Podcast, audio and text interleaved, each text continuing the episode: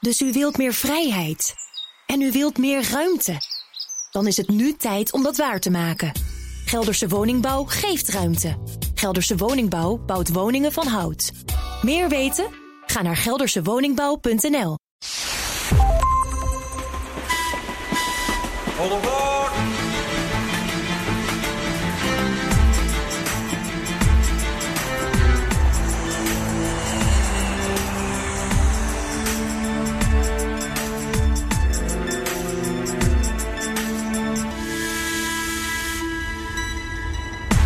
Welkom bij de Goede Reis Podcast, de leukste wegwijzer voor onderweg. Deze podcast is een productie van BNR Nieuwsradio en Columbus Travel. Ik ben Geert-Jan Haan en mijn vaste reisgenoot is Mark McIntosh, hoofdredacteur van Columbus Travel. Mark, hallo. Hey Geert-Jan, alles goed met je? Ja, met mij wel. Jij mag niet naast mij staan, want je hebt een kuchje. Een klein kuchje, ja. Mensen worden ook nog steeds normaal verkouden, laat ik het zo zeggen. Oh, maar je neemt toch het zekere voor het onzekere. Ja, vandaag neem ik toch het zekere voor het onzekere. Ja, nou dat is wel uh, heel aardig van je. Hey, we gaan het deze aflevering hebben over de reis. En daarmee in de breedste zin van het woord, maar vooral dat, dat de reis soms net zo leuk is als de bestemming. En jij hebt iemand uh, voorgedragen, iemand uh, geïntroduceerd, zo gek gekregen om mee te praten in deze podcast. En dat is iemand die bij uitstek wat weet over hoe leuk het is om te reizen. Ja, absoluut. Het is uh, Perry van Travelhome, directeur van Travelhome, die camperreizen aanbiedt. En wij hebben bij ons, de Columbus-redactie, gemerkt dat camperreizen een enorme vlucht hebben genomen. Eigenlijk al voor de, pre, eigenlijk al voor de coronacrisis.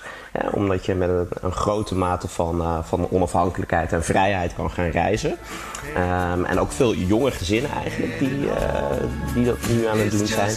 Maar met de coronacrisis uh, heeft dat eigenlijk ja, een, een nieuwe vorm van betekenis gekregen. All the curtains and close out the nights. We won't be leaving until it gets light. Close your eyes, darling, and lay down your head under these sheets in this rock and roll bed. Perry, goedenavond. Fijn dat je bij ons bent. Goedenavond, fijn om er te zijn. Je komt tot ons vanuit het prachtige Eindhoven de gekste. Eindhoven. Ja, het zuiden van het land. Ja, uh, daar mogen we weer naartoe. Want de Brabantse lockdown, nou, die, die heb je ervaren in het begin van dit jaar. Jullie waren als eerste aan de beurt. Ben je toen maar rondjes ja. gaan rijden door de provincie? Nee, maar het was wel onwerkelijk. Want uh, wij zijn natuurlijk een dochteronderneming van AMB. En die zitten in Den Haag en Hoofddorp. Nou, wij zitten uh, in Gelderop eigenlijk. Dat is weer ten zuiden van Eindhoven. En het was bizar om te zien dat wij uh, voorop liepen, inderdaad, ten opzichte van mijn, uh, nou ja, van mijn andere collega's in het westen van het land. Dus we hadden heel snel die lockdown en toen was iedereen nog eigenlijk, uh, ja, nog een beetje lacherig, zeg maar. Ja. Vind je het nu na een paar maanden wel weer normaler om over reizen en vakantie en campers huren te praten. Want ik merkte zelf dat ik de eerste weken, ondanks dat het onderdeel van mijn werk is, dat ik het heel raar vond. Omdat het uh, wel een belangrijke levensbehoefte is, maar ja, toch ook wel secundair aan gezondheid en zo. Ja, ik vind het nu wel weer gaan. Ik ben zelf overigens net terug van vakantie, dus dat, dat, dat ging goed. Uh, het is nog niet weg, maar het is zeker niet meer zo angstaanjagend als inderdaad, uh, nou laten we nou zeggen, begin april. Ja. Toen had ik zelf ook zoiets van: ik blijf thuis. En um, ik ga voorlopig nergens naartoe en iedereen bij ons werkt ook thuis. En we zouden ook zeker, uh, en we waren natuurlijk volop bezig om de klanten terug te halen, omdat Trump had besloten om de grens te sluiten. En toen sloeg de nou, paniek niet, maar wel het, het, dat het zeer serieus was. Oh, en dat is nu een stuk minder, vind ik. Allemaal klanten die in uh, Amerika aan het rondreizen waren in een camper? Honderden klanten. Honderden klanten. En heb je die allemaal teruggekregen? Ja. Nou, uh, in het begin, uh, Amerika was geen probleem. Dat ging vrij soepel. Uh, omdat de grenzen wel dicht waren, maar de vliegtuigen gingen nog. Maar we hadden ook nog 27 boekingen staan in Nieuw-Zeeland en Australië. En meteen nadat Trump de grens dicht deed, volgden heel veel andere landen. En toen hadden we een probleem, omdat uh, Singapore Airlines, uh, Cathay Pacific, alles wat via Azië vloog, ging dicht. Ja, en toen konden we op het laatste 21 uh, passagiers, 21 passagiers, konden we niet meer terughalen. En toen waren we wel even stil. En ja, toen moesten we ook tegen die klanten zeggen: wij kunnen op dit moment u niet helpen. Nou, het fijne van een camper is dan op zo'n moment dat die mensen in ieder geval wel een accommodatie hadden. Dus we hebben met de verhuurders overlegd. En op dat moment was ook nog geen uitzicht op hoe lang het zou duren. Dus dan, uh, ja, dan ga je toch nadenken. Klanten waren toch een. Sommige klanten waren heel rustig, anderen in paniek. Uiteindelijk is er gelukkig uh, een repatriëringvlucht uh, geregeld door het SGR. En ja, toen konden bijna al onze passagiers mee. En vier hebben we zelf nog teruggekregen via Qatar. Zo. Dus uiteindelijk is iedereen op, teruggekomen, maar het heeft wel even geduurd. En uh, ja, daar waren we wel even stil van. Ja, dan, dan is de bestemming misschien uiteindelijk toch belangrijker dan de reis. Op zo'n moment wel. ja. Ongelooflijk, wat een verhaal. Ja, ik kan er niet om lachen, maar uh, nee, het was ja. echt hectisch. Ja. En zeer kostbaar ook voor ons. Dat kan ik me voorstellen, ja. ja. Paul Peters, jij bent ook bij ons. Goedenavond. Goedenavond. Uh, Paul, je bent uh, lector duurzaam vervoer en toerisme. Zeg ik dat goed? Ja hoor, helemaal goed. Ja, uh, aan in goed Brabants ook de Breda University of Applied Sciences. Center for Tourism and Transport. Heb ik dan alles genoemd? Ja, bijna sustainability, tourism en transport. Dan, dan heb je hem helemaal goed. Ze zijn hun tijd ja. ver vooruit in, in Breda. Jij komt tot ons vanuit Ede. Ja, klopt. Vind je het ook weer gemakkelijker om over reizen te praten? Heb je ook een periode gehad dat je dacht van... nou ja, het voelt wel een beetje raar? Uh, ja, zeker. Uh, en ik vind het nog steeds wel een beetje uh, raar. ik bedoel, we hebben zelf nog geen vakantie gehad. Maar ja, de plannen die, die blijven maar veranderen. Want de wereld verandert ook nog steeds. Dus eigenlijk zijn we nou, inmiddels wel een beetje planloos aan het raken. de bedoeling was ergens eind augustus weg te gaan. Maar we zitten nu ook te denken over, nou ja, dan misschien toch maar iets aan die verbouwing van het huis waar we al jaren over hebben, maar gaan beginnen. Um, dus ja, het, het, virus is natuurlijk nog lang niet weg. Um, het komt zelfs op allerlei plekken weer terug. Um, het toerisme is gewoon heel, heel kwetsbaar daarvoor. Omdat het natuurlijk aan de ene kant ook eigenlijk een, een, rol speelt zelfs bij de verspreiding van het virus. Dus ja, als, dat, als je dat tegen wil gaan, dan is het logisch dat je iets aan mobiliteit gaat doen. En dat dat daar uh, dan uh, last van heeft. Dus ik vind het nog wel een, uh, een, lastige. Maar goed, het neemt niet weg dat we best wel dromen over reizen die we in de toekomst vast weer gaan maken. Ja. Nou, dat is ook heel leuk. We moeten ook wel ergens naar uitkijken met z'n allen. En Perry, jij gaf aan, je bent net terug van vakantie. Ik, ik, ik kan me voorstellen dat je dat dan best wel intens hebt beleefd. ja. overigens zou ik in, ik zou in april gegaan zijn. Dus mijn eigen reis, grote reis, heb ik eigenlijk ook gecanceld. Wij zouden naar de Verenigde Staten gaan. Uh, en dat is niet doorgegaan. Dan, dan verlang je op een gegeven moment toch wel, met name ook omdat we natuurlijk veel meemaken, om even weg te zijn. Toen hebben wij gezegd, weet je wat, we gaan met de trein. Dat is het makkelijkst, het snelst. Uh, en dan kunnen we gewoon, hoeven, hebben geen stress. Nou, Berlijn zijn we geweest, dat is onze lievelingsstad. Um, ik ben daar twee weken geweest. Ik moet zeggen, als je daar bent, word je echt geconfronteerd met het virus. Omdat de hele stad draait op openbaar vervoer. En daar is een mondkapje verplicht. Dus je zag heel veel mondkapjes. Aan de andere kant heb ik nu in Berlijn beleefd dat ik misschien wel uh, niet meer ga beleven. Omdat er bijna geen toeristen waren. Drie dagen voordat wij zouden aankomen, belde het hotel ons op dat het uh, dicht bleef in juli. Toen zijn we omgeboekt. Uh, nou, in dat hotel, daar zaten ook eigenlijk amper toeristen.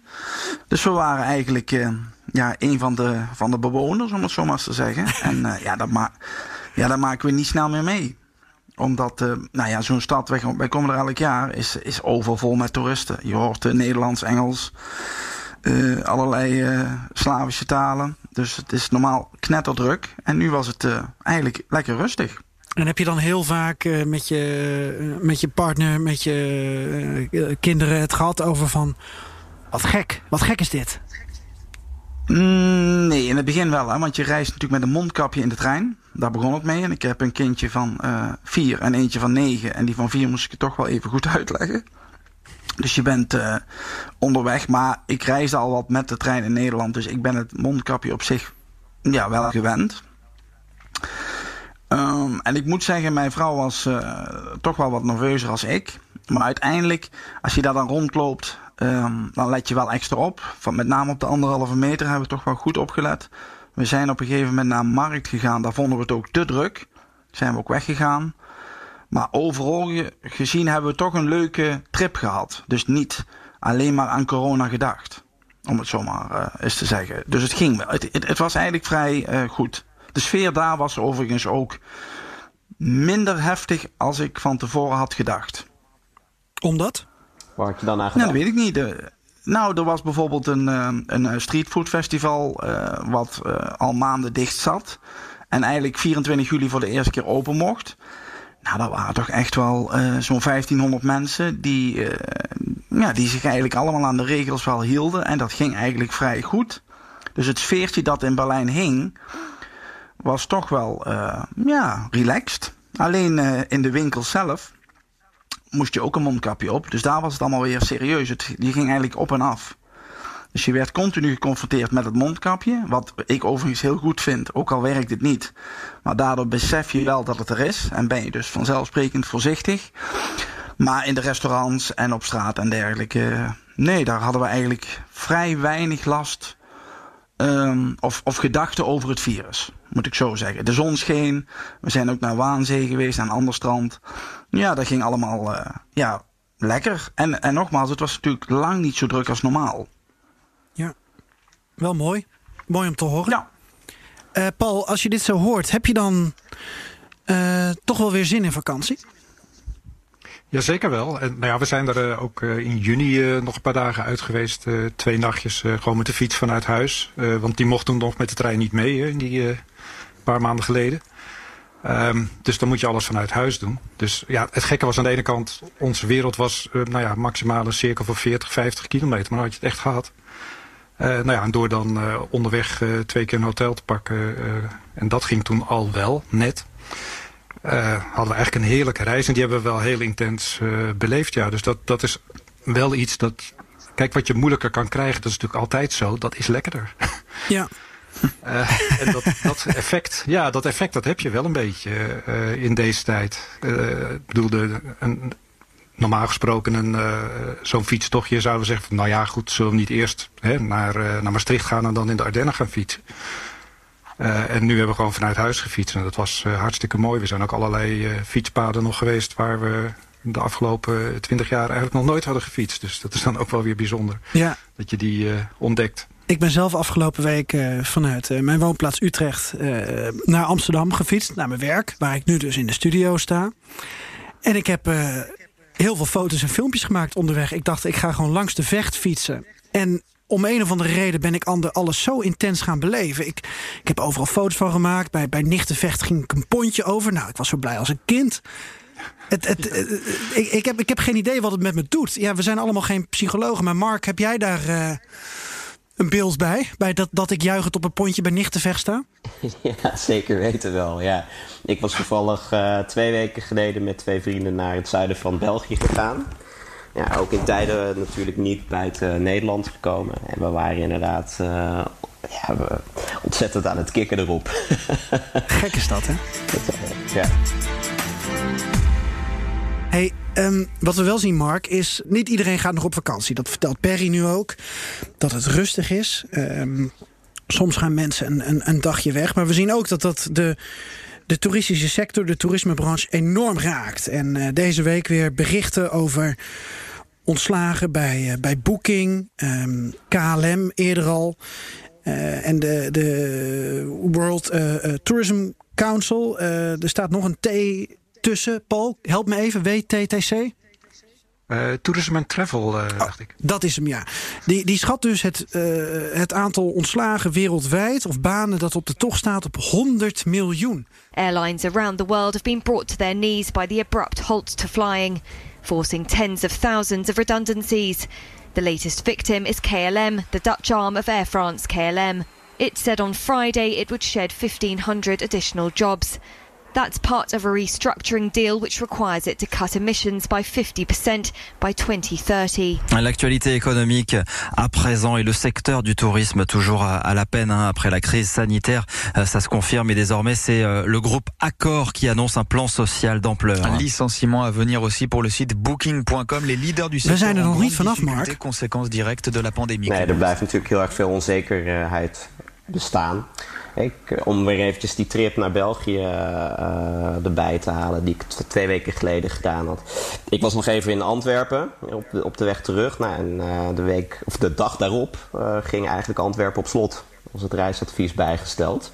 Nederlandse toeristen die naar Antwerpen willen komen, zou ik aanraden van ja, wacht gewoon een paar maanden.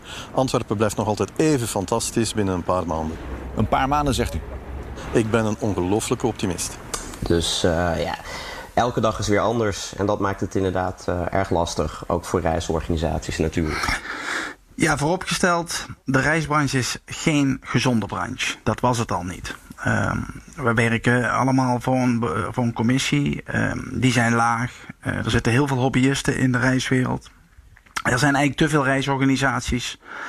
En de reizen zijn ook eigenlijk veel te goedkoop. En dan heb ik met name over de de Ryanair-tripjes eh, uh, naar Barcelona en andere grote steden. Dus aan de ene kant vind ik het eigenlijk wel goed. Want uh, ik verwacht, en ook het AVR verwacht, dat minimaal nou, 30% van de reiswereld in Nederland althans uh, failliet zal gaan. Misschien is het zelfs nog wat meer. Um, het voucher is nu uitgegeven, heeft toch wel even een aantal organisaties lucht gegeven. Maar ja, die moeten natuurlijk nog wel geïnd. Dus aan de ene kant ben ik blij, want de concurrentie zal minder zijn. Aan de andere kant zijn het natuurlijk ook mensen die je kent. Uh, heel veel mensen die hun baan al verloren hebben, want er zijn al wat mensen ontslagen. Hè? De, de mensen die geen vaste baan hebben, die, die, een groot aantal is daar al van weg. Dat, dat haalt het nieuws vaak niet. Um, kijkend naar volgend jaar, want feitelijk is dit jaar voor. Ik hoop eigenlijk dat wij niemand meer dit jaar naar uh, een van de verre continenten sturen. Omdat de kans dat we weer in moeten grijpen er ook aanwezig is. Nou, dan kijken we al met de schuin oog naar volgend jaar. Um, ja, ik verwacht een matig jaar. Uh, gelukkig hebben wij wel al veel omboekingen voor uh, volgend jaar. Dus de mensen hebben er wel zin in. Ik heb er zelf ook zin in. Ik heb zelf al geboekt voor april volgend jaar. Heb je bij jezelf geboekt? Ik heb bij mezelf geboekt. En zo gaat dat dan. Nou, dan weet je ook dat je gerepatrieerd kan worden of niet. Dat is wel een fijn vooruitzicht. ja, dat is, nou, ja dat, dat, daar zeg je Maar dan kost het jezelf weer geld. Ja. Zo gaat dat dan, hè? maar vertel. Nee, dat repatriëren is, uh, is natuurlijk een belangrijk uh, ding. Hè? Uh, voor mensen die alles zelf regelen, ja, die worden vaak niet gerepatrieerd. En reisorganisaties die regelen dat. Maar ik denk wel dat de schik er goed in zit bij iedereen. Want ook wij, het heeft ons, uh, het heeft ons veel geld gekost om uh, die mensen terug te halen. Daar was die regel eigenlijk niet voor bedoeld. Dus ook de regelgeving uh, verwacht ik wel dat die zal veranderen.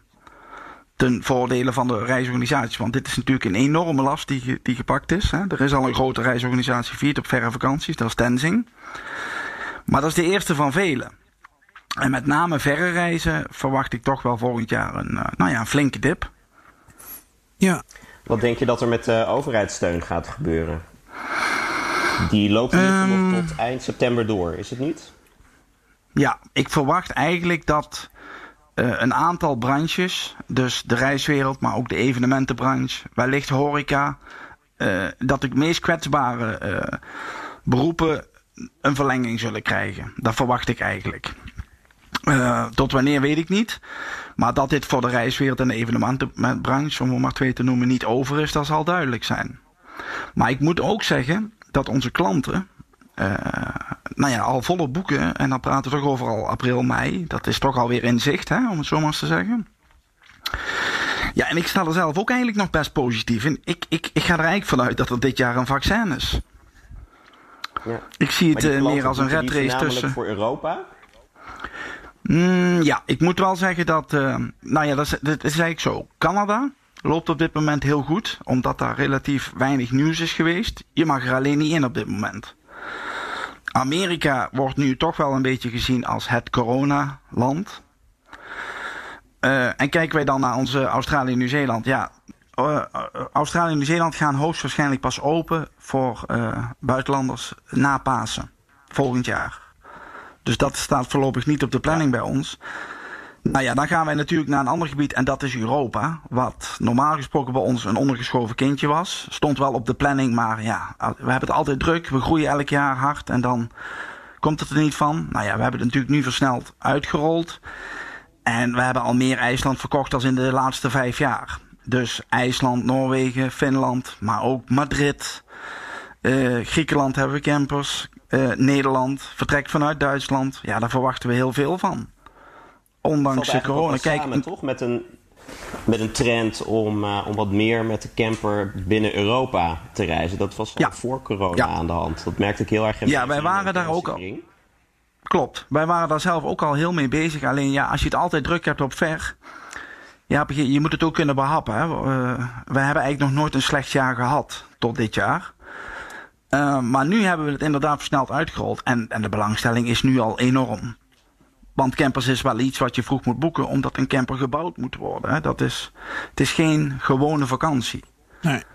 Als, als er geen camper gebouwd Het is net als. De, de meest populaire op dit moment? Ja. Ja, nou ja, Reykjavik. Met, met stip.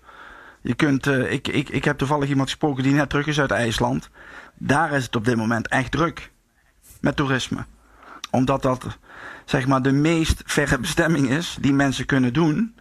En het publiek dat wij hebben, dat is toch uh, een natuurliefhebber. Hè? Canada, uh, Zuidwest-Verenigde Staten, ja, de parken. Nou ja, dan, dan zie je dat uh, IJsland met stip nummer 1 is. Noorwegen nummer 2. Vertrek vanuit Duitsland nu nummer 3. En dan hebben we nog Finland. Ja, en een beetje Spanje, maar daar zijn we alweer voorzichtig, omdat daar alweer alles begint te broeien. Dus dat, ja nou ja, daar raden we dan ook de klant niet aan. Want we willen natuurlijk niet meer risico's lopen dan we al hebben gelopen. Ja, dat snap ik. Uh, heel even naar, uh, naar Paul Peters. Want Paul, uh, het, het beeld dat Perry nu schetst van de, van de sector allereerst. Um, dat is denk ik wel iets waar jij je in kan vinden. Hè? Van het is gewoon te lang te goedkoop geweest. En, en daar krijg je nu ook een beetje de rekening van gepresenteerd. En dit is misschien een moment om het toch even anders te gaan bekijken. Nou, dat is natuurlijk zeker zo. De, de marges in de, de luchtvaart die zijn echt krankzinnig laag. Uh, dus als er iets gebeurt, nou en hier gebeurt niet iets, maar hier gebeurt echt iets. ja, dan gaat het dus meteen met een heleboel mis. En dan kun je als bedrijf ook onmogelijk uh, overleven. Dat je gewoon de buffers niet hebt op kunnen bouwen uh, met die lage marges. Um, ja, en we maken, dat geldt trouwens niet alleen in, in het toerisme, in de, in de hele vervoersbranche. Het is ook in het goederenvervoer is over het algemeen uh, zijn die marges erg laag. Uh, op de een of andere manier hebben we de neiging als mensheid om niet te willen betalen voor verplaatsen. In ieder geval niet wat het kost. Hm.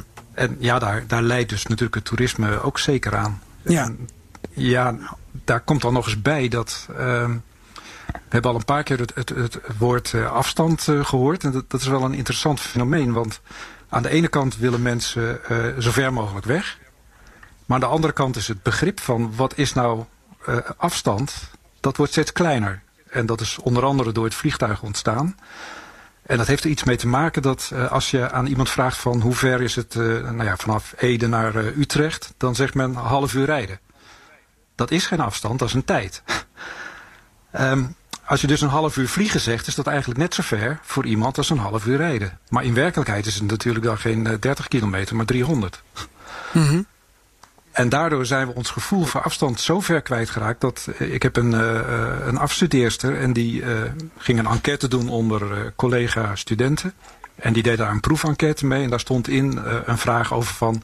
hoeveel reizen heb je de afgelopen drie jaar gemaakt... die langer dan 2000 kilometer weg waren. Of verder dan 2000 kilometer weg. En toen zeiden de tien proefstudenten... in godsnaam vraag ons dat niet, want we hebben geen idee waar dat dan is. Oké. Okay. Men weet gewoon helemaal niet meer wat 2000 kilometer is. Nee, maar als je zegt hoe ver is Istanbul vliegen... dan, dan zullen ze wel zeggen een uurtje of drie. Ja, dan weten ze wel dat het een uurtje of drie is. Ja, dat dan nog wel. Maar... En dan is dus het merkwaardige dat, dat men aan de ene kant zo ver mogelijk weg wil... terwijl het begrip afstand niet zoveel kennelijk meer zegt in, in letterlijke zin. En eerlijk gezegd, in mijn, mijn eigen beleving is afstand ook helemaal niet relevant. Ehm, en dat blijkt nu dus ook wel een beetje tijdens, de, uh, tijdens deze crisis. Dat we nu ontdekken dat dingen die vlakbij zijn, dat die, dat die ook heel erg de moeite waard zijn. Dat dat niet per se leuker wordt als je verder weggaat. Ja, ja ik kan het pontje bij Nichtenvecht echt aanraden, Paul. Ja, dat, ik ken het. Dus, dat is fijn. nee, maar dat is heel leuk. Ja, zo'n pontje. En nou ja, ik, ik veroorzaakte nog bijna een, een, een fietsenongeluk. Uh, doordat degene die achter mij uh, reed. Uh, ik, ja, ik hing op een zeker moment vol in de remmen. Want ik zag een hele mooie rups op het fietspad. nee.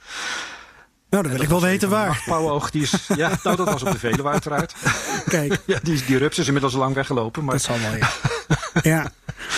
Maar, je gaat toch wel ja, anders kijken naar, uh, naar dingen. En ja, dus wat betreft die, die reisafstand. Ik denk dat het wel uh, om verschillende redenen eigenlijk heel erg goed is dat de sector. Um, en dat was ook al aan de gang hoor. Dat was de afgelopen jaren was dat opeens toch wel een soort omslag. Dat men uh, eigenlijk de, de, de meer nabije vakantie herontdekte. Dat zag je bijvoorbeeld aan een, uh, uh, nou ja, de tour operators die he helemaal gespecialiseerd waren in verre bestemmingen. En die opeens toch Europa erin gingen doen. Nou, dat is in ieder geval goed voor, uh, voor het milieu. Want elke kilometer is zoveel gram CO2, om er iets te noemen. Um, dus als je die kilometers beperkt, dan beperk je sowieso de, de carbon footprint en het effect op klimaatverandering. Ja. Dus dat is eigenlijk goed nieuws. Dat we wat minder ver lijken te gaan reizen. En dat was al wel enigszins zichtbaar. Ook wel in, uh, in cijfers die wij daar elk jaar uh, over verzamelen. Um, tegelijkertijd uh, in 2018 bijvoorbeeld en 2017 zagen we opeens weer wel een sterke toename van verre reizen. En in, ik, ik heb net de cijfers binnen van 2019, dus ik moet nog precies kijken. Mm -hmm. Wat daar in ieder geval opviel was dat, dat we opeens 50% meer treinreizen hadden. Oké. Okay. En dat is natuurlijk. Dat was wel een klein aandeel. Hè? Dat ging dan. Specifiek? Nee, nee dat, ja, dat zijn Nederlandse vakantiegangers naar het buitenland, maar ook binnen Nederland. Oké. Okay. En ja, het inter, interessant is dus dat. Uh, het is natuurlijk maar een klein aandeel, die trein, nu. Dat was, ik bedoel, 40 jaar geleden was de trein echt veel groter dan, uh, dan het vliegtuig in, uh, in het vakantievervoer. Maar goed, dat is behoorlijk door het vliegtuig overgenomen. En dat geldt ook voor de bussen, die is ook ontzettend teruggenomen. Um, maar nu zie je dus dan toch ja, zo'n 50% groei in een, in een jaar of twee. En het is zo jammer dat nu die, die crisis er is. Want ik zie dat politici ontzettend veel aandacht hebben voor, uh, voor de luchtvaart. Hè. De, de, de, directeuren van de, de grote luchtvaartbedrijven in Nederland... Die, die lopen de deur plat bij het ministerie. Maar die mensen die de treinen runnen, die, uh, die komen er bijna niet in. Ja. Terwijl daar net zoveel mensen werken. En ja, of nou een conducteur werkloos uh, raakt of een stewardess. Eerlijk gezegd vind ik het voor allebei even erg. En ik neem ook aan dat iedereen het met me eens is dat dat voor allebei even erg is. Dus dat is het verschil niet. En toch is die aandacht voor uh, de, de, luchtvaart zo snel mogelijk. Waar ligt het aan, denk je? Lobby? Nou ja, uh, die vraag heb ik wel eens eerder gehad. het is best lastig, maar ik denk dat... Um, Kijk, je hebt een soort hiërarchie in, uh, in uh, uh, ja, de, de, status van, van vervoerwijzen. En ik denk dat daar de trekschuit heel erg diep onderin zit. en de het vliegtuig heel erg hoog daarboven. en al ja. die andere dingen zitten daartussen. Ja. men is ook natuurlijk ja, het is ook heel bijzonder dat je überhaupt kunt vliegen. De, veel mensen begrijpen eigenlijk überhaupt niet dat dat kan. Maar ze zien dat het gebeurt en ze geloven het wel. Ja. um, dus er is een soort van, uh, ja, uh, ja, je hebt een, een heel bijzonder gevoel als je zo'n zo vliegtuig ziet. En, ook als je erin zit, het is toch eigenlijk altijd een beetje onwerkelijk. Als je maar ik heb dat ook met een camper. Ik heb daar ook een bijzonder gevoel bij, omdat het niet een dagelijks vervoersmiddel is. Dus ja, als, als ik de vraag. Ja, dat kan ik me voorstellen. Ja, als, als ik hem toch even aan Perry mag voorleggen. Want, want, want Perry, de, de bijna overwaardering voor de, voor de luchtvaartsector de afgelopen maanden. Hoe heb jij daarnaar gekeken ten opzichte van jouw prachtige uh, woonhuis op vier wielen? Nou, het, het, klopt. De luchtvaart heeft alle aandacht op dit moment. Nou is daar natuurlijk wel een reden voor. Hè? Um, kijk, de KLM is, uh, uh, en, en ook Schiphol is meer dan alleen toerisme. Het is ook zakelijk. Uh, Schiphol is een draaischijf. Hè? Ik ben een keer naar Barcelona gevlogen. Nou, daar was ik zo'n beetje de enige Nederlander met een KLM-toestel. Dus we moeten niet vergeten dat dat ook een grote rol speelt voor de economie. Maar ik ben het mee eens, hè? de trein, daar hoor je niks van. En de campers, ja, ik weet niet of jullie de cijfers uh, de laatste tijd zien, maar campers uh, worden compleet omarmd door uh, in ieder geval Nederlanders, maar ook Duitsers. En dat komt, want jij zei het al, het is een ander soort vakantie. Eén, hoe vaak heb je de kans om in zo'n nou ja, uh, in zo'n uh, wagen te rijden, zeg maar. Hè? Want vaak een auto, ja, daar, daar rij je altijd in. Dus als je met de auto op vakantie gaat, is het toch vaak gewoon kilometers vreten. Zo snel mogelijk op de bestemming en klaar. Mm -hmm. Met een camper ga je gewoon op vakantie. Hè? En, en uh, feitelijk ga je in de slow mode. Ja, ik kan het iedereen aanraden. Of je nu met een eigen camper doet of een camper huurt. Maar het is toch een vakantie die ja, waarbij, nou ja, je zei het al, de reis zelf is eigenlijk de vakantie. Ja, cijfers van de BOAG, uh, BOVAG, sorry. Um, met name jongeren, daar zien ze dus een enorme groei in. Hè? Dus groep tot en met 35 jaar. Als je kijkt naar uh, camper-eigenaren, een stijging van 17 procent. Dus jongeren hebben nu best wel interesse om toch een soort slow mode vakantie te hebben met een camper. Dat is wel leuk. Ik snap dat wel. Ja, waarom?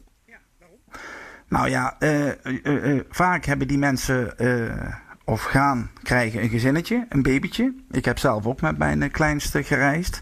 Nou, dat is een camper natuurlijk ideaal, hè? want ik noem maar iets, je rijdt aan, de baby zit veilig. Op een gegeven moment kun je gewoon stoppen, baby kan slapen. Het is een rustvakantie. Je hoeft eigenlijk je hoeft niet te jagen. Je hoeft nergens heen. Er is geen buffet dat op je wacht of een hotel dat open gaat. Er zijn nog genoeg plekken in Europa, maar ook in de rest van de wereld, waar je niet eens op een camping hoeft. Dus je kunt eigenlijk gewoon uh, ja, freewheelen. En dat is natuurlijk een machtig gevoel. Tenminste, dat vind ik. En uh, dan is zeg maar. Ja, de beleving van alles om je heen is veel groter. Ook voor, de, voor, de, voor degene die rijdt. Want ja, in een auto is toch vaak recht voor je uitkijken.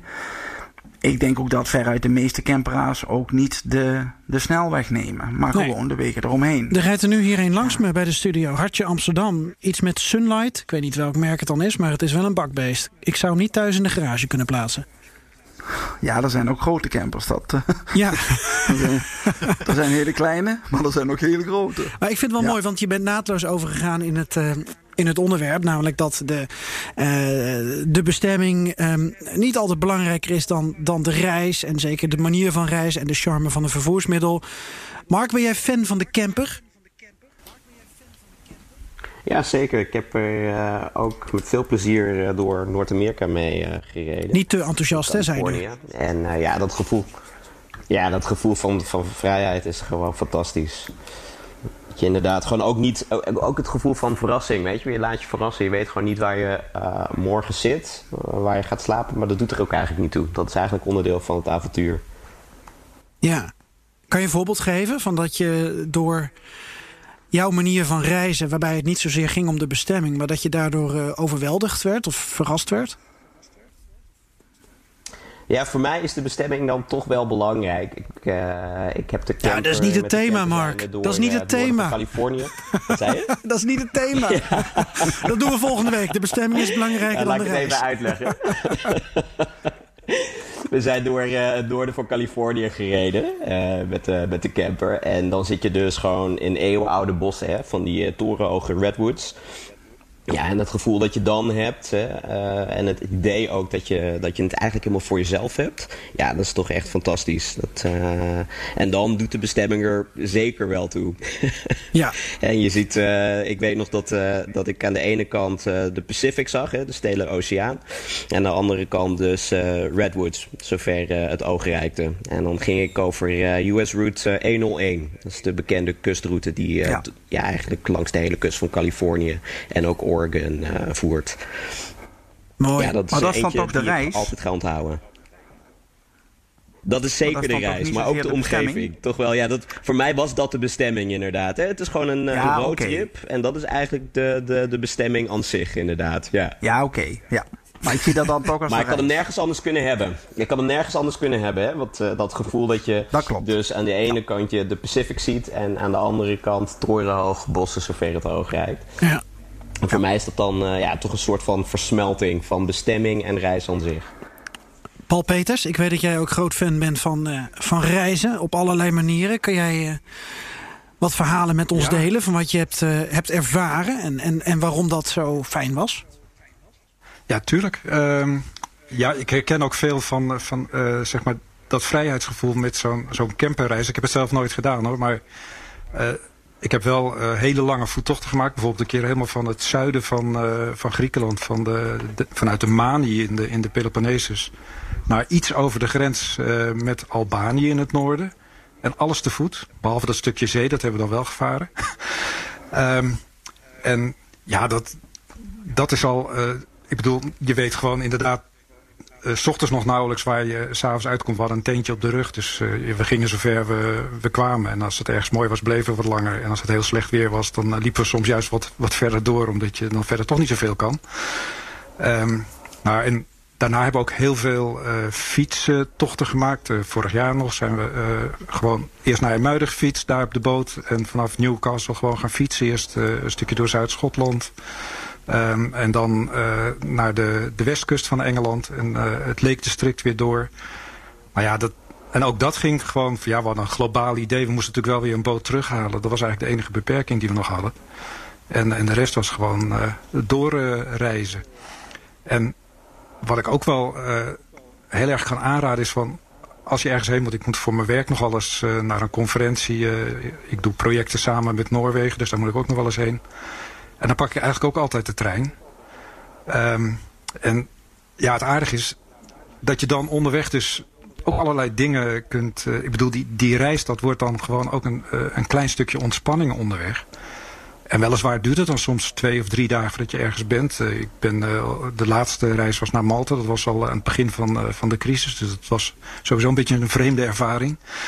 Eh, maar ook wel een hele mooie. Want daar, had ik zes uur eh, om stuk te slaan eh, op Sicilië in Syracuse. En ja, ik had daar niet echt studie van gemaakt. Maar toen ik er toch was, dacht ik van wat kun je hier doen? Nou ja, daar waren, was een Romeins theater, er was een Grieks theater. Er was een fantastisch mooie oude middeleeuwse stad. hele mooie fonteinen. Ik heb me die zes uur prima vermaakt. Dat komt er dan gewoon gratis bij, zeg ik al. Maar, Ja. Ehm, en een andere voorbeeld, dat was dan wel een, een vakantiereis. Ging ik eh, eh, naar de muziekweek in eh, Perugia. Eh, daar had ik de cello bij me, want dat spelen, ging daar dan spelen. Ehm, nou ja, dat haal je met de trein niet in één dag. Eh, dus toen heb ik halverwege een stop gepland. En eh, in het, eh, bij het Vier Woudstedenmeer in Zwitserland. Ben met het tandradbaantje omhoog gegaan de Rigi op. En heb daar op 2000 meter eh, overnacht. En had echt die ochtend zo'n geweldige zonsopgang. Waar je de, echt alle Alpen waar ik ooit wel eens was geweest, die kon ik haast zien. Nou ja, en dan daal je weer af en dan ga je verder. En dan heb je een, eh, kom je uiteindelijk dan toch op je bestemming. Maar daar wordt die reis die wordt dus een, eh, een klein tussenvakantietje op zich. Ja. En Perry, ik heb begrepen dat, dat bij jou eh, het draait een beetje om de bestemming. Het draait om de reis, maar bij jou draait het ook om de voorbereiding. Ja. Vertel. Ja, ik ben zo'n type die iets eh, van A tot Z uit gaat zoeken. En dan vaak ook elke dag bezig is met die reis. En ja, ik vind dat, dan, dan, dan, dan ben je er nog niet. Sterker, nu moet nog gaan. Maar ik zie het dan helemaal voor me. Ik verdiep me in, eh, dat is natuurlijk ook eh, vakmatig, maar ook hobbymatig. Ik verdiep me dan in, eh, nou ja, welke trails zijn het beste. Ik kijk, nou ja, duizenden uren besteed ik aan, aan fora waar van alles verteld wordt. Duizenden uren? Nou, dat Zo. is ook vakmatig, hè. Kijk, Ja, kijk eh, wij, hè, maar, maar ik ben wel echt heel... eh, eigenlijk is het bij ons zo, wij komen terug en dan boek ik het liefst al iets nieuws. En dan eh grofweg, hè, dat is mooi als je met een camper gaat. Dus eh, je, hoeft, je hebt iets geboekt of je gaat iets boeken. Maar daarna hoef je pas te bepalen of te bedenken... nou ja, wat ga ik dan doen? Eh, en dan ga ik het allemaal opzoeken. En dat wil echt niet zeggen dat ik het allemaal volg. Maar dan zie ik het wel voor me. En dan, ehm, nou ja, ik, ik, ik, ik, ik zie de voorbereiding als de vrijdag van het weekend. Eigenlijk het moment dat je bijna proeft en voelt...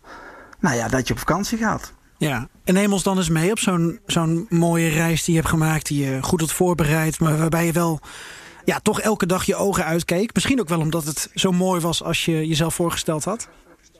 Nou ja, ik ben zelf een keer vier maanden weg geweest. Uh, nou komen we weer toch wel weer terug op de Verenigde Staten. En da daar is natuurlijk ook een reden voor. Hè? Um, de vrijheid, blijheid, maar het machtige van de natuur vind je weliswaar ook in Europa, maar niet zo groot en vooral leeg als in de Verenigde Staten en Canada. Dat moet ik wel even benadrukken.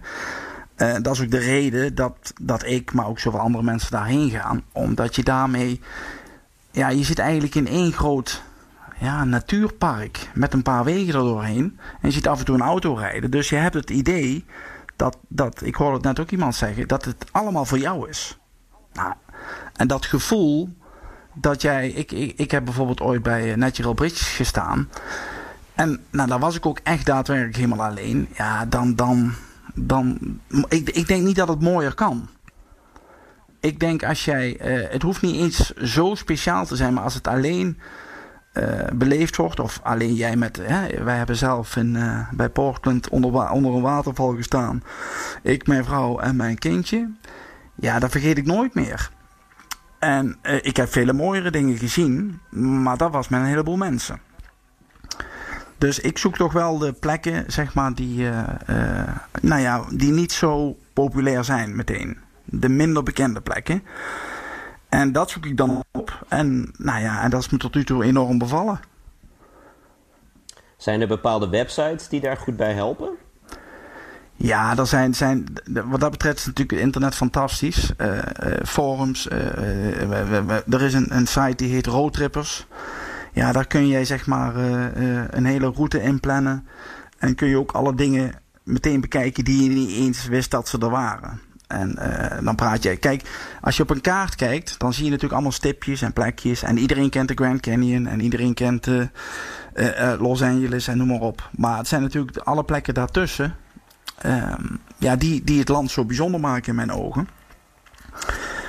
Ja, er, zijn, er zijn honderden websites. Misschien, wel, misschien wel duizenden, waar mensen elkaar ook allemaal tips geven. En waar je zelf vragen kunt stellen. En uh, Facebook is ook een fantastisch medium daarvoor. Hè. Er, zijn, nou, er zijn misschien wel tienduizenden groepen. Uh, je kunt zelf een plek uh, opzoeken. En dan zoek je even in Facebook en dan zie je daar wel een, een groep fans over. Ja. En dat is het mooie, omdat je dan met elkaar de passie kan delen. En dat kan echt niet over een Grand Canyon hoor. Want ik bedoel, dat weten we allemaal, die is overbekend. Het gaat juist om de dingen die niet zo bijzonder zijn. Hè? Dat natural bridges dat ik net zei. Ja, ik had het een keer gehoord. Of, uh, nou ja, ik noem het Glacier National Park of Waterton Park. Dat zijn plekken, daar kom je niet zomaar. Daar, staat niet in, in tips vaak of, of in reisgidsen. Ja, dat zijn dingen die heb je voor jezelf. Craters of the Moon. Hè? Ik had er nog nooit van gehoord. Ik hoorde het van een Amerikaan op een camping. Ja, dan ga je daarheen. En het mooie is, vind ik, als je met een camper gaat, dat je dat dan ook kunt. Als je, tenminste zo doe ik het als ik ga, heb ik wel een plan. Hè? Ik heb me goed voorbereid. Maar heel vaak wijken we af. Ja. Omdat het nou eenmaal daar uh, veel mooier is als gedacht. Of iets waarvan je heel veel had verwacht juist niet zo mooi was. Want dat kan ook, hè? Maar dan ben je dus echt van de reis zelf aan het genieten? Ja, dat kan ik ook echt. En ik denk ook... Ik, ik ben al heel lang bij Travel Home.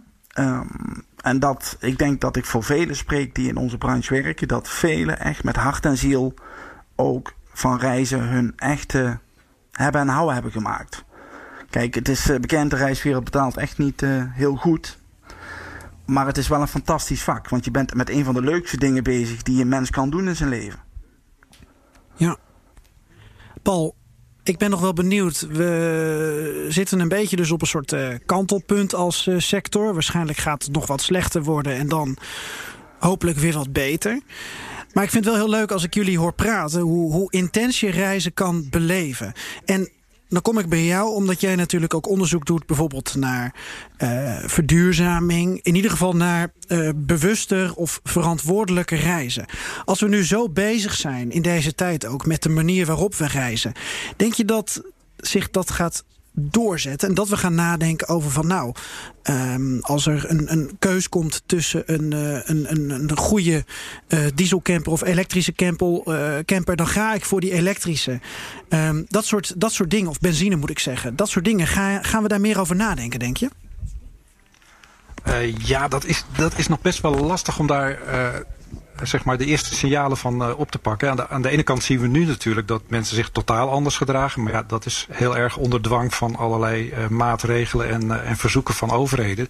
En belemmeringen die we hebben. Dus, en angst. Hoe gaat, zich dat, hoe gaat zich dat ontwikkelen? Dat is dan de vraag. Um, en ik denk dat het een beetje uh, van afhangt. Je hebt natuurlijk uh, mensen die, die nu zeg maar belemmerd worden in hun normale uh, reisgedrag. En die, die daar eigenlijk een beetje chagrijnig van worden. En alleen maar veel harder verlangen naar, nou als, dat, als die belemmeringen weg zijn. Maar dan gaan we ook weer. En dan waarschijnlijk dubbel zo ver of zo vaak of oh, ja. zo lang als dat ze al gewend waren. Want ik heb dus zo geleden en ik heb het zo verdiend. Ja, ja, precies. Maar je hebt natuurlijk aan de andere kant ook wel weer, en dat is best een grote groep, die, uh, ja, die toch wat meer uh, in uh, zeg maar veiligheidsgevoel hebben. En, en die zijn misschien wat, wat geschrokken van de, de huidige situatie. En die zouden kunnen besluiten van nou ja, kan ik dichterbij niet ook op een eenvoudigere manier toch dezelfde beleving hebben. Um, dus het kan twee kanten uitrollen. En ik denk dat voor een deel van de mensen dus uh, juist averechts gaat werken. En voor een ander deel van de mensen zou het, uh, het voordeel dan weer voor het milieu kunnen zijn. Dat, dat men inderdaad wat minder ver uh, weggaat. En misschien wat langer en misschien wat minder vaak. dus wat langer naar één, één bestemming of één reis. Als, als je een rondreis maakt. Um, in plaats van dat je er vier per jaar doet. Waardoor er altijd weer een, een stuk aan- en afreis bij komt. Oh ja per, eh, per vakantiedag. Heb je ook weer langere voorpret, hè? Dat is weer leuk voor iemand als Perry. Ja, zeker. Nou ja, die voorpret die, die herken ik wel hoor. Ik bedoel, uh, als, als ik bijvoorbeeld de volgende, uh, ik weet, misschien weten jullie uh, waar dat dan is, maar als ik gewoon zeg Oni, Mairie, Esneu, Xans, Rivage, Comblain, au Pont, uh, Amar, Barvaux, waar heb ik het dan over? Het klinkt Baskisch. Nee. maar dat is misschien mijn uitspraak. ik weet, weet, weet, een van de andere heren het? Nee. Nou, dit, is, dit zijn de stationnetjes vanaf. Ja, dat zijn de stations vanaf uh, Luik naar, uh, naar het zuiden langs de, de Oerte. Ah. En dat, ja, dat lijntje, dat, dat ken ik al heel lang. Ik bedoel, ik kom al als vanaf kind af en toe in de Ardennen en eigenlijk elk jaar wel. En tegenwoordig fiets ik dit stukje steeds vaker. En dan hebben we een wandelweekend in, in de Ardennen. Dus dan, dan is het met de trein naar Maastricht en dan fietsen we de rest. En dan kom je deze plaatsen tegen. En als ik die plaatsen dus hoor, dan heb ik daar ontzettend veel beelden bij. Van allemaal, en over het algemeen, uh, positieve beelden van, uh, uh, ja, van al die, die weekends, die wandelweekends en, en de vakanties die daar in die buurt zijn geweest.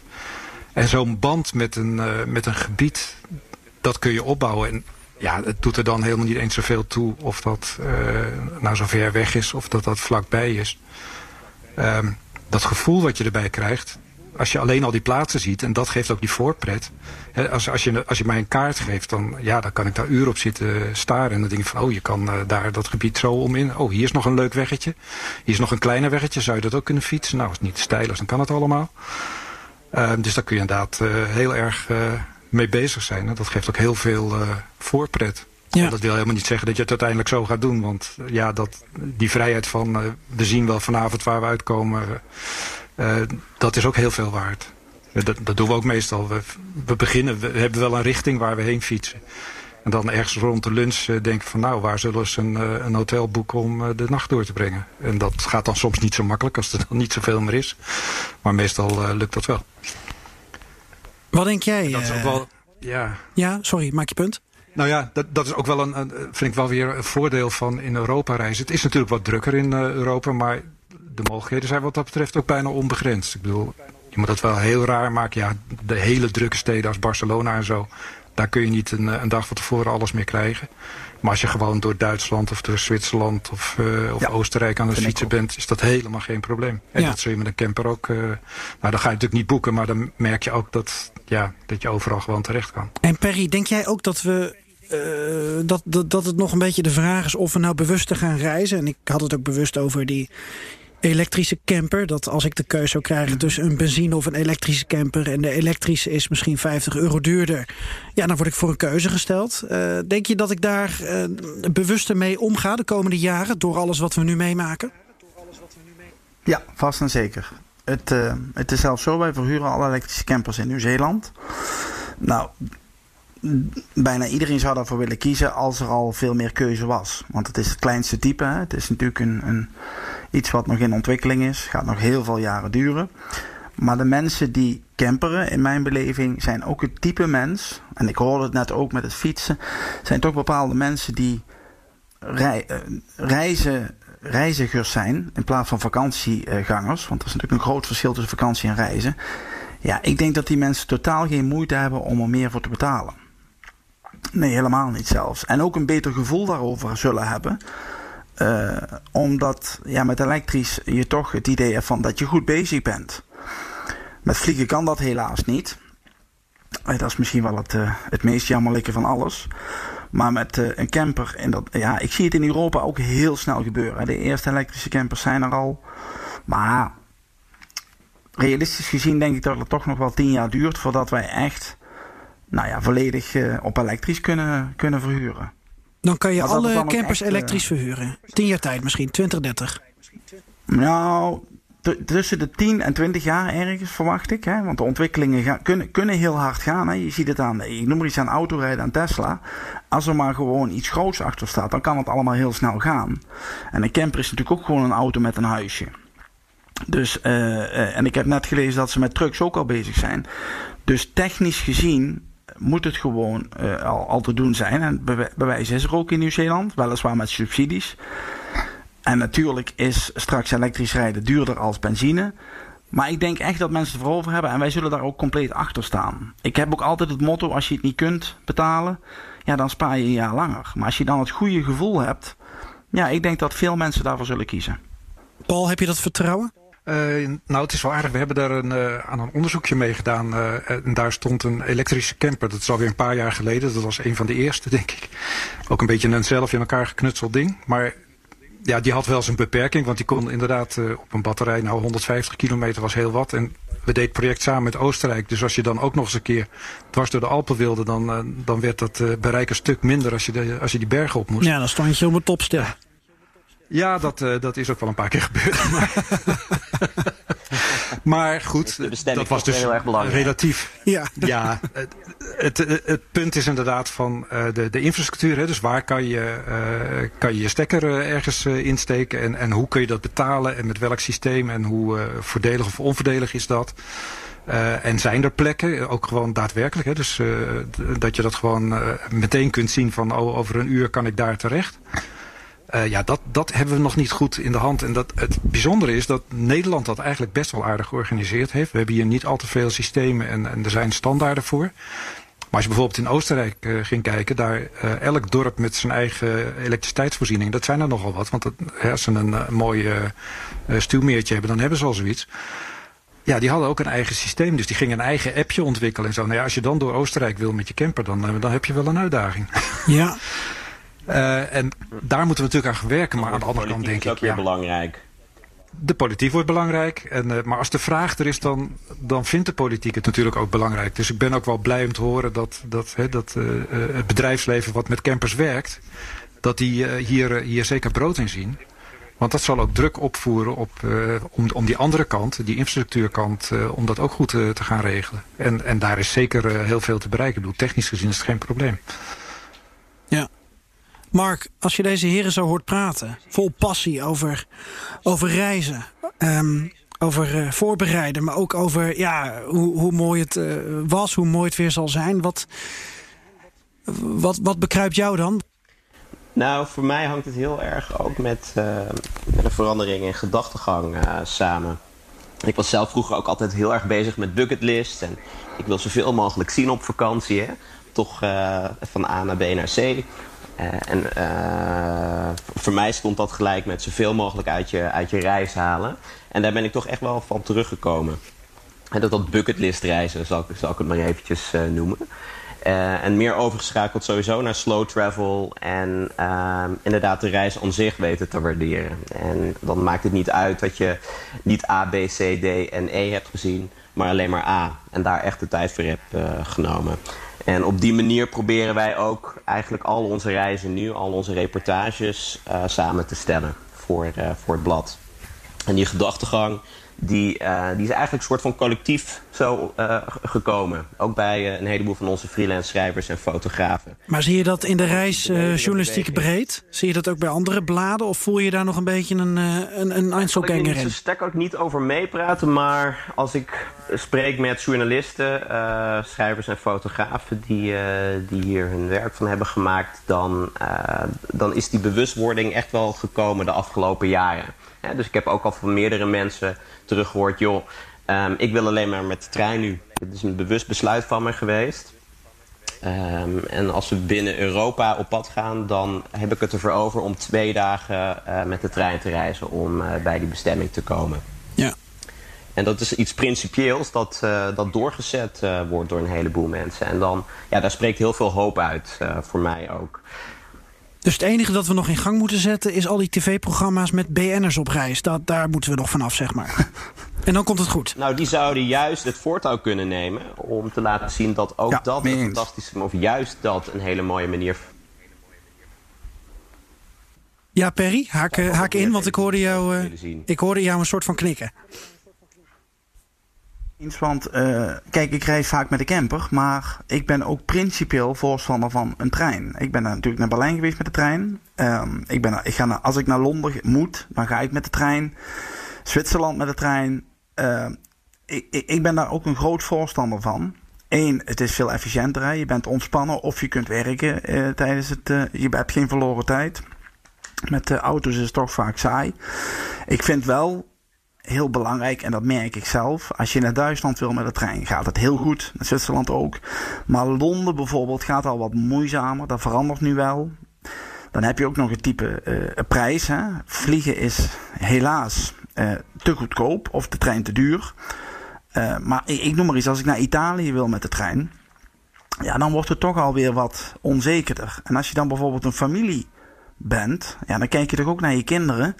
Het moet allemaal wel een beetje beter aan gaan sluiten. Daar zou echt de politiek, met name de Europese uh, regering, zou daar echt naar moeten gaan kijken. Dat kan allemaal nog veel beter. En ik denk dat veel meer mensen dan ook met de trein zouden gaan. Maar BN'ers zouden het voortouw moeten nemen. Dat vind ik echt, ja. Ja. En, en, en wat, uh, wat, wat influencers hè, via Instagram, die, die laten weten hoe vet het is om met de nachttrein te gaan. Ja. Maar het is ook vet. Ja. ja. ja, vind ik ook. Ja, ja helemaal juist mee voor gezinnen, denk ik. Want uh, je hebt een ja, de ja, die vinden een vliegtuig eigenlijk, ja... Ja, maar een treinreis is natuurlijk ook een avontuur op zich. Kijk, daar vindt een hele goede opvoeding plaats, hoor ik al in, uh, in het zuiden van het land. Oh ja hoor, ja, ja, ja, zeker. Leuk. zeker. Hey, om hem af te ronden wil ik jullie, Paul en Perry, toch nog even twee uh, vragen stellen die we aan uh, alle gasten stellen. Ja, maar natuurlijk, uh, elk nadeel heeft zijn voordeel. Ja, die coronacrisis, dat is natuurlijk één bak ellende. Maar hebben jullie het idee dat er misschien ook nog een, een voordeel is? Uh, Paul, mag ik met jou beginnen? Nou ja, goed dat we er nu uh, op een andere manier over praten. En ik moet, moet wel zeggen, het, die, die, die omslag die was al net een jaar aan de gang. Of eigenlijk al twee jaar. Zo ergens in 2017, 2018 is in de discussie binnen de toeristische sector ook... merk ik gewoon dat er een omslag is in het denken. Als ik voor die tijd begon hè, over mijn afstanden... En, en, laten we het nou eens wat dichter bij huis zoeken... en, en doe eens iets met die trein... Nou, dan weet je echt of genegeerd of uitgelachen. dat was, dan hing een beetje van het publiek af. Ja. En dat was opeens uh, in, in 2018. Aan het eind had ik een vergadering met mensen van de sector. En dan begonnen ze er zelf over. Ik denk, nou ja, dat is anders. Dus ja. dat was al aan de gang. En ja, het lijkt erop dat uh, door deze crisis in ieder geval het denken over van hoe, dat, hoe je dat toerisme doet. En wat nou werkelijk belangrijk is in een, uh, in een vakantiereis. En, en wat de bijzaak is. Dat we daar nu wel veel meer over discussiëren. En aangezien er ook, ja, ik bedoel helaas, maar het is te verwachten dat er toch behoorlijk wat bedrijven onderuit zullen gaan. Dan krijg je natuurlijk wel nieuwe bedrijven met misschien wel dezelfde mensen, maar in een andere samenstelling en vanuit een andere achtergrond. Uh, met, met hun ervaring van het failliet gaan. Die er wellicht ook wel eens anders naar willen gaan kijken. Van ja, hoe moeten we dat dan gaan doen? Uh, je ziet het bijvoorbeeld op eilanden, hè, die natuurlijk zeker eilanden die erg van toerisme afhankelijk zijn, die daar heel erg veel last van hebben op het ogenblik, voor de economie ook dat daar de regeringen die zijn vaak nog niet zo ver. Die, die zitten nog heel erg van nou laten we zo snel mogelijk die grenzen weer opengooien. Maar de mensen daar die, die, die zijn heel erg anders daar aan het kijken. Die kijken van, ja, nou ja, wat kunnen we nu doen? Eerst beginnen ze alles op te knappen. Want daar hebben ze natuurlijk jaren geen tijd voor gehad. En nou ja, er is toch niemand in het hotel of in het pension wat je hebt. Ja. Dus dat ga je eerst doen. Maar goed, op een zeker moment is geld op, dus dan houdt dat op. Maar dan gaan ze toch allerlei andere dingen doen. Uh, ze pakken een stukje land wat ze er eigenlijk nog bij hadden. Dan gaan ze uh, dingen verbouwen met het idee ook van... kunnen we daar iets mee in het toerisme ook? Dus dan wordt er al anders nagedacht over van... hoe moeten we dat straks weer gaan opstarten? Dus wellicht dat dat helpt, maar het is, het is geen garantie. We moeten het wel met elkaar echt willen. Want anders zie je het juist de andere kant uit gaan. Dat hè, de grote bedrijven die enorm belang bij hebben... om de oude situatie zo snel mogelijk te herstellen dat we dat uh, gaan zien. En dat, dat zou dan wel een gemiste kans zijn. Ja. Dus het is maar net wie, uh, ja, wie de overhand krijgt hier. Ik begrijp het. Perry, jij wilde, als ik het goed heb begrepen... Uh, Moeder Natuur toch wel nomineren als... ja, winnaar. Ik weet niet of je in, in zo'n crisis van winnaars kan spreken, maar misschien toch wel? Ja, eigenlijk wel omdat uh, wat wij nu zien is toch wel, hè, de, de, het, je hoort vaak overtoerisme in steden, maar er is ook over, overtoerisme in nationale parken all over the world. Ja, en die hebben nu uh, ja, toch wel een soort van pauze. Uiteraard wordt er ook lokaal gereisd, maar lang natuurlijk niet zo groot. Ja, op zich vind ik dat de morele winnaar in alles. En ik hoop van harte dat wij als reiswereld dat ook meer gaan omarmen ik zeg al, het is eigenlijk een goede zaak, hoe erg ook, dat er een flink aantal bedrijven failliet gaan. Ik vind ook dat de politiek uh, zich meer moet bemoeien met, uh, met reizen aan zich. Ook, ja, je hoort de vliegtax. Nou, die moet, van, wat mij betreft, mag die veel hoger. Maar dan moet die ook wel echt gebruikt worden uh, om bijvoorbeeld de treinreizen te, te verbeteren. Ik noem maar iets. En dat zie je vaak dat dat, dat dat niet altijd gebeurt. En ik hoop dat iedereen hier nu leert van het feit dat reizen gewoon veel duurzamer moet. Als ja. dat het nu is. Massatoerisme zal er altijd wel zijn. Maar ik, ik, ik, nogmaals, ik vind, dat je, ik vind het niet verantwoord dat je voor, uh, voor vijf tientjes naar Barcelona kunt vliegen. Maar Perry, dat, dat, moeten we in dat geval niet uh, misschien toch, we hebben volgend jaar verkiezingen. Moeten we niet gewoon een minister van toerisme krijgen? Want, want nu doet Mona Keizer het er een beetje bij. Ik geloof wel dat ze op zich goed werk doet. Maar moet dit niet veel meer, ook uh, door die coronacrisis nu en de werkgelegenheid uh, die op het spel staat, moet het niet een veel grotere importantie krijgen? Ja, ik vind het wel. Het, kijk, sowieso ook economisch. Hè. Toerisme is een economische motor voor, voor heel veel landen. Vandaag kwamen de Canarische eilanden weer dat ze uh, alle coronakosten willen gaan betalen. Dat geeft al aan hoe belangrijk toerisme voor, de, voor, voor, voor, voor heel veel landen is. Ook voor Nederland overigens. Kijk maar naar alle hotels die leeg staan. Maar het kan wel zoveel beter. Het, kijk, reizen is in principe in mijn beleving veel te goedkoop geworden in de laatste 20 jaar. En dat moet teruggeschroefd. Reizen, ja, reizen moet je kunnen betalen. Uh, daar moet je voor sparen. Het is een luxe. Het is geen uh, commodity. Als je, je kunt in Nederland en in Europa inderdaad heel veel zien. Dus het hoeft ook niet heel veel geld te kosten als je toch dingen wil gaan zien. Ja, en zo'n minister zou, uh, ja, ik zou het toejuichen. Ik bedoel, ja, maar, maar nogmaals, wat ik vaak zie, en dat was de vorige keer ook met de vliegtax. Ja, dan wordt het weer in de grote pot gedouwd. En dat is natuurlijk verkeerd. Dat voelt verkeerd voor iedereen. Ja. En dat moet echt veranderen. In principe mogen ze van mij ook op reizen. Op reizen heeft op dit moment een 0% belasting. Ja, van mij mag dat ook uh, uh, gewoon btw-plichtig worden. Als dat geld maar ook geïnvesteerd wordt in toerisme. All over. En dat, dat, dat mis je vaak. En dat is echt hoog nodig, want ja, voor de coronacrisis draaide de reiswereld nou ja, op de top van haar kunnen al. Dan vraag je elk jaar weer af hoeveel kan er nog meer bij? Hoeveel kan een park aan? Ja. Noem maar iets. Uh, Zion National Park gaf in uh, oktober vorig jaar, in oktober, hè, dus dat is ver na seizoen, dat ze dicht moesten omdat het te druk was. Ja, dat zet je wel aan het denken. Hè. Ik ga al uh, 35 jaar mee in die reiswereld. En ik heb, de, ik heb het wel om me heen zien veranderen. En allemaal ten nadelen. Ja, en dat kan niet goed blijven gaan. Nee. Paul, een minister van Toerisme als toezichthouder misschien? Nou ja, op zich een goed idee, zeker. Um, maar wel een minister met een duidelijke opdracht. Inderdaad, om het toerisme dan ook te verduurzamen. Dus daar ook uh, heel sterk uh, rekening mee te houden. Want als we een minister van KLM krijgen die dan toerisme heet, Ja. dan weet ik niet of dat veel helpt. Nee, ik snap hem. Hey Paul, als, ehm, als je volgende week weer op reis zou kunnen, overal naartoe. En dan zou je dus naar jouw. eh,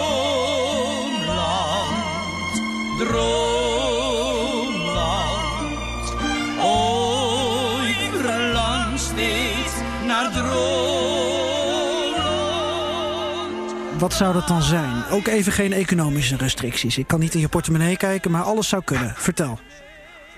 Nou ja, dan. ehm, ik, eigenlijk denk ik er al heel lang over om eens een keer een, een, een fietstocht te maken eh, over Corsica en Sardinië. En die twee eilanden zijn goed met elkaar verbonden met pontjes. Dus, en ze zijn net van een omvang dat je daar eh, in een maand eh, je heel behoorlijk kunt vermaken. Zo'n ander pontje dan mijn nichtenvecht, denk ik, hè? Tussen ja, Sicilië en Corsica. pontje. Ja. En je moet natuurlijk eerst naar Corsica toe. Dus je bent al sowieso vijf, zes uur aan het varen vanuit eh, Marseille of waar je dan ook eh, vandaan gaat. Nou, je kunt daar met de trein naartoe, dus dat gaat ook allemaal eh, prima. Dat, dat is wel een ding wat op mijn lijstje staat. En ja, ik ben heel vaak al in Schotland geweest, maar eh, misschien verlang ik nu wel het meest om gewoon weer eens naar Schotland te gaan. Oh ja, heel, Eh, ja. En daar ook te fietsen en te wandelen. Het is, eh, het is een dermate eh, mooi gebied. Nou, dan moet je met Mark praten, daar- want eh Mr. McIntosh is a big fan of Scotland. Weten. Kijk. Ja. Nee, daar heb ik echt Ik heb heel veel voor december. Met de trein inderdaad. Ga je naar Schotland met Ja. de trein? Mark? Ja, dat is prima te doen. Ja, vanuit Londen zit je er in, in vijf uur eigenlijk. Is dat met die Caledonian eh, Express, hoe heet die? Ja, ja, Ah ja, klopt. Caledonian. Oké. Nou, Dat, staat... dat is nou echt gewoon, de reis aan zich is al een vakantie. Ja, ah, Ja, mooi. dat klinkt goed. heel mooi. Ja, staat genoteerd. Perry, eh, jouw droomland? Ja, droomland, droomland. Kijk, mijn thuisland is eigenlijk de Verenigde Staten. Zo zie ik het dan. Het is, eh, is ver ja, daar heb ik toch al een beetje heimwee eh, naar. Ik ben al heel vaak geweest. Ik vind het fantastisch. Eh, eh, en dan heb ik het niet over de stad New York, maar gewoon echt de nationale parken. En, de, en met name de grote leegte, hè, wat ik eh, al aangaf. Maar ik, er zijn zoveel mooie bestemmingen. Nieuw-Zeeland, Australië, eh, IJsland, Noorwegen, eh, eh, Slovenië. Ik bedoel, Europa heeft ook genoeg te bieden. Hè. Het is niet zo dat wij daar niet, of ik niet, naartoe wil. Maar ik denk dat er, is, er, is, er is zoveel moois op de wereld. Maar als ik vandaag weg mocht, ging ik toch nou ja, naar Zuidwest-USA. Ja. Ja, ik kan het, dat is misschien ook wel omdat ik het eh, mis. Ja, maar het mooiste land Oh, ter ik voel wereld, bijna eh, jouw pijn, Perry. Ik voel het gewoon. Met nou ja, het is. eh, nou, snik. Nee, maar ik, ik, ik, ik, ik mis het wel, omdat eh, het, is, het voelt altijd een beetje als thuiskomen. En ehm, ja, daar heb je soms. Hè. Je hebt een band met iets. Eh, daarom gaan we ook elk jaar naar Berlijn. Ja, eh, ik had ook naar Barcelona kunnen gaan, of naar Londen of naar Keulen. Ja, noem ze allemaal maar op. Maar ik hoorde straks iemand iets zeggen dat je ook kunt genieten van iets. En dat heb ik dan vaak. Ik, ik hoef niet vaak naar iets anders. Er zijn zoveel dingen die je niet ziet. eh, In je eerste trip, of je tweede trip, of je tiende trip. Eh, ik woon hier aan een kanaal. Daar kan ik ook langslopen. is fantastisch. Ik fiets graag. En dat- wat ik net hoorde met de trein naar, eh, naar Schotland, die, die heb ik al in mijn hoofd nu. Dus dat, eh, ja, er zijn zoveel, zoveel dingen. Ik dat we gewoon snel weer mogen en kunnen. En dat is natuurlijk nu eventjes eh, kijken hoe. Maar ik ben, ik, ben, ik ben toch vrij optimistisch over. eh, ik, ik, ik denk ook altijd dat we in de toekomst een betere mensheid hebben. En dat uiteindelijk alles goed komt. Iedereen gaat straks elektrisch. Maar de mensheid is wel in mijn ogen altijd er eentje die. eh, ja, tot 2 voor 12 en dan gaan we actie nemen. Dat. zo zie ik het toch wel. Ja, maar het komt allemaal goed. Dat vind ik, dat vind ik een geruststellende Dat denk ik echt. Dat denk ik Ja. echt. Daar ben ik van overtuigd. Ja. Mooi. Ik, ik wens jullie een, een goede reis, zodra het weer kan. Eh, waar je ook heen gaat. En eh, eh, nou ja, fijn om te horen dat jullie ook van de kleine dingen kunnen genieten. Dank jullie wel, Paul Peters en, en Perry van der Wiel. Ongelooflijk fijn dat jullie wilden meepraten. En Mark, jij ook heel erg bedankt.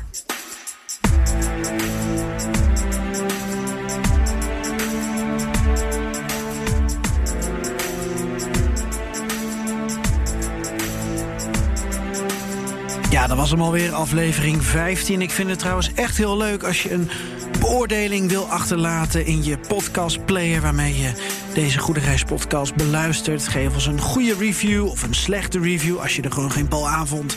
En als je tips hebt, mail dan naar goedereispodcast.bnr.nl. En dan zie ik graag jouw eh, ideeën tegemoet. En wie weet spreken we elkaar op een volgende reis.